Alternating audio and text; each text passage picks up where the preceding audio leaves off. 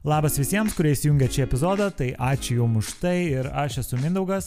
Ir tiem, kas manęs nepažįstat ar net neįsivaizduojat, kad kas aš toks, tai labai trumpai noriu papasakot, ką aš darau, nes tai yra susijęs su šiandienos epizodu.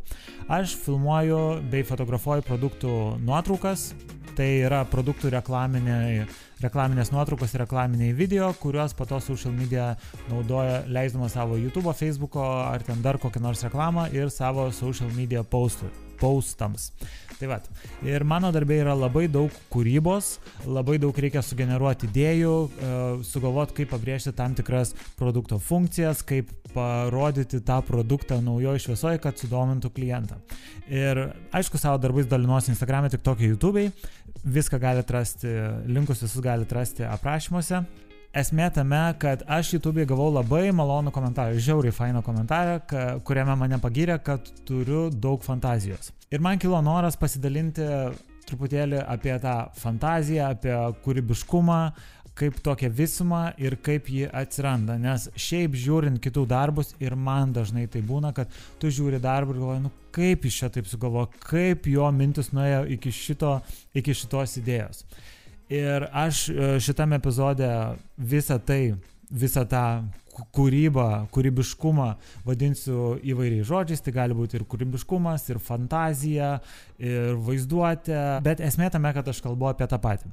Ir aš noriu pakalbėti, kad tai yra kaip raumuo, tas kūrybiškumas, fantazija yra kaip raumuo, kurį jum reikia, tiek jum, tiek man reikia nuolatos auginti, tai yra kaip pušapai, kaip atsispaudimai, E, dėl kurių jums auga raumenis, tik tai daug malonesnė versija. Tai, kad kūrybiškumą galima auginti, ugdyti ir jį gerinti, aš galiu tikrai patvirtinti. Užtenka vieną atsidaryti savo pirmuosius darbus ir aš matau, kaip mano fantazija buvo labai labai apsiribojus ir, ir žiūrint darbus nuo seniausio iki dabar tu gali labai aiškiai matyti tą visą tobulėjimo procesą, kaip kūrybiškumas tobulėjo ir kaip mintis tapo daug įdomesnės, kaip įdomiau sugalvodavo atskleisti tam tikrą produkto uh, ypatybę.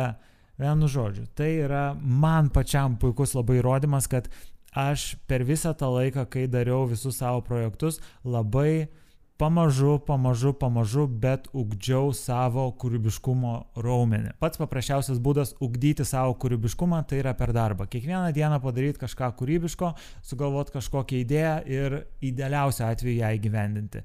Jeigu nepavyksta jos įgyvendinti, nieko tokio, nes mes ne kiekvieną dieną turim laiko tą padaryti, bet galim užsimti visokiais pratimais. Kūrybiškumo raumenį ugdyti gali kiekvienas ir šiaip labai rekomenduočiau kiekvienam tai ugdyti ar jūs esat kuriejai ar nekuriejai, nesvarbu, nes jūs, kai pradedat kūrybiškai mąstyti, jums tai gali atsispindėti, kad ir savo ofiso darbe, kuriam visiškai gali nebūti kūrybiškumo, bet jūs sugebėsite išsisukti iš sudėtingų situacijų, tiesiog sugalvodami tiesiog sugalvodami sprendimą ne tokį, kokį sugalvoja visi. Tai pirmas pratimas, kurį aš rekomenduočiau pabandyti, tai yra labai labai paprastas pratimas, labai geras pratimas tiem, kurie turi šunų arba, pavyzdžiui, einat į parduotuvę, tai eiti pasivaikščioti absoliučiai be jokių dirgiklių, be muzikos, be jokių podcastų klausimų, geriausia net išeiti be telefono, bet kadangi žinom daugumos kortelės yra telefonuose, tai kartais tai būna sunku, bet kuo mažiau scrollinti ir tiesiog išeiti plikai, basai, aišku, su batais rūbais, bet be jokių papildomų gadgetų kaip ausinės ar ten dar kas nors ir stebėti aplinką, labai, labai stebėti labai visokias mažytės architektūrinės detalės ir pagalvokit, kaip jūs galėtumėt jas įkorporuoti, kad ir į savo namų interjerą.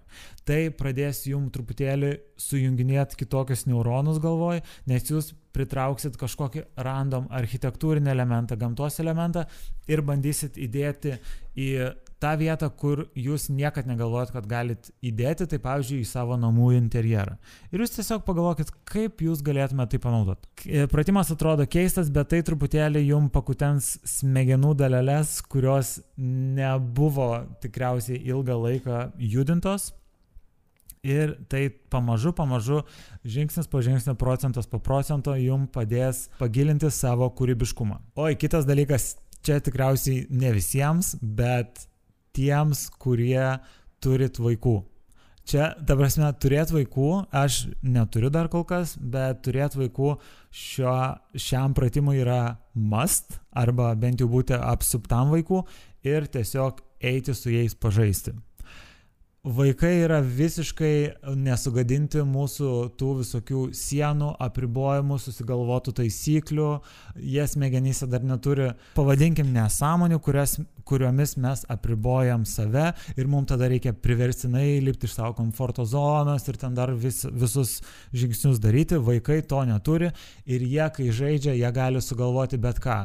Gali sugalvoti, kad uh, karvė yra uh, salotinė ir jis skraido ir jį nuskrenda pas savo kitą draugą paršelį, kuris dirba bankė. Jūs pažaiskit su vaikais, jeigu jie sugalvoja kreizį, varykit su jais, galvokit su jais crazy dalykus ir įsijauskit į tą vaikų pasaulį. Jums žinokit irgi užkutens tokias smegenų dalelės, kurių net nežinojot, kad turit ir jums truputėlį pradės uh, atverti, praverti vis uh, tokį platesnį mąstymą, platesnį mąstymą, mąstymą apie gyvenimą, apie kūrybą ir jums padės taip pat kaip ir visi pratimai, spręsti kažkokias gyvenimiškas situacijas daug kūrybiškiau. Nors tai irgi atrodo, kur aš galiu pritaikyti vaikų žaidimus. Patikėkit, jum gali kažkokia idėja užkristi pasąmonėn, e, kuri atsirado iš žaidimo su vaiku ir tiesiog jūs ateityje kokiai nors situacijoje, kai jūs net nežinosit, kad jums reikia, jums tiesiog jį išlys iš pasąmonės ir jūs galėsit panaudoti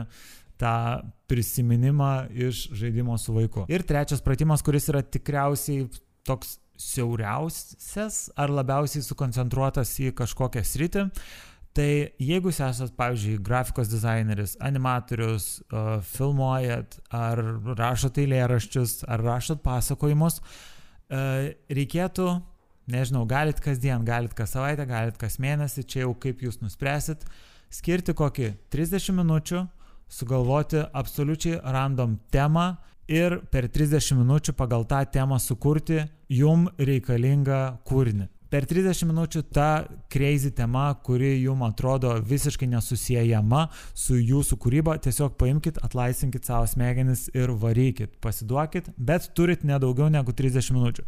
Nes jeigu duosit ilgą laiką, tai jūs pradėsit per daug galvoti, jums pradės vėl statytis kažkokios sienos galvoj sugalvotos ir tiesiog pratimas bus nelabai naudingas. Kuo trumpesnis laikas, kuo keistesnė tema, tuo geresni rezultatai.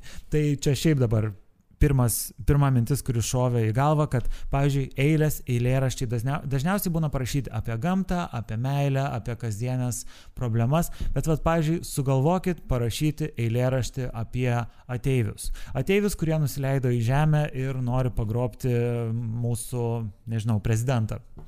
Čia visiškai random, visiškai random mintis, bet pabandykite apie tai parašyti eilėraštį, jeigu rašote aišku eilės. Jūs išbandydami tokias idėjas atrasit, kas jūs esat, nes kurdamas tu atrandi, kas tu esi, o ne atvirkščiai. Jūs negalit savo pasakyti, kad Aš esu rašytojas apie meilę. Aš darau grafiką tik tai apie rudenį. Jeigu jūs nebusit pabandę padaryti grafikos apie žiemą, vasarą, pavasarį, jūs negalite savęs įstatyti tokius rėmus ir pasakyti, kad aš kuriu tik tai apie rudenį, jeigu jūs nesate išbandę apie kitus metų laikus padaryti grafikos. Tai tas išėjimas iš tokios komforto zonos, darimas darbų visiškai random temom, jų padės jums suformuoti, kas jūs esat. Padės jums pamatyti, kokios yra jūsų stipriosios pusės, kokios silpnosios, kas jums patinka, kas nepatinka ir suformuos jūsų asmenybę kaip kurėjo asmenybę, kaip problemų sprendėjo asmenybę, nes jūs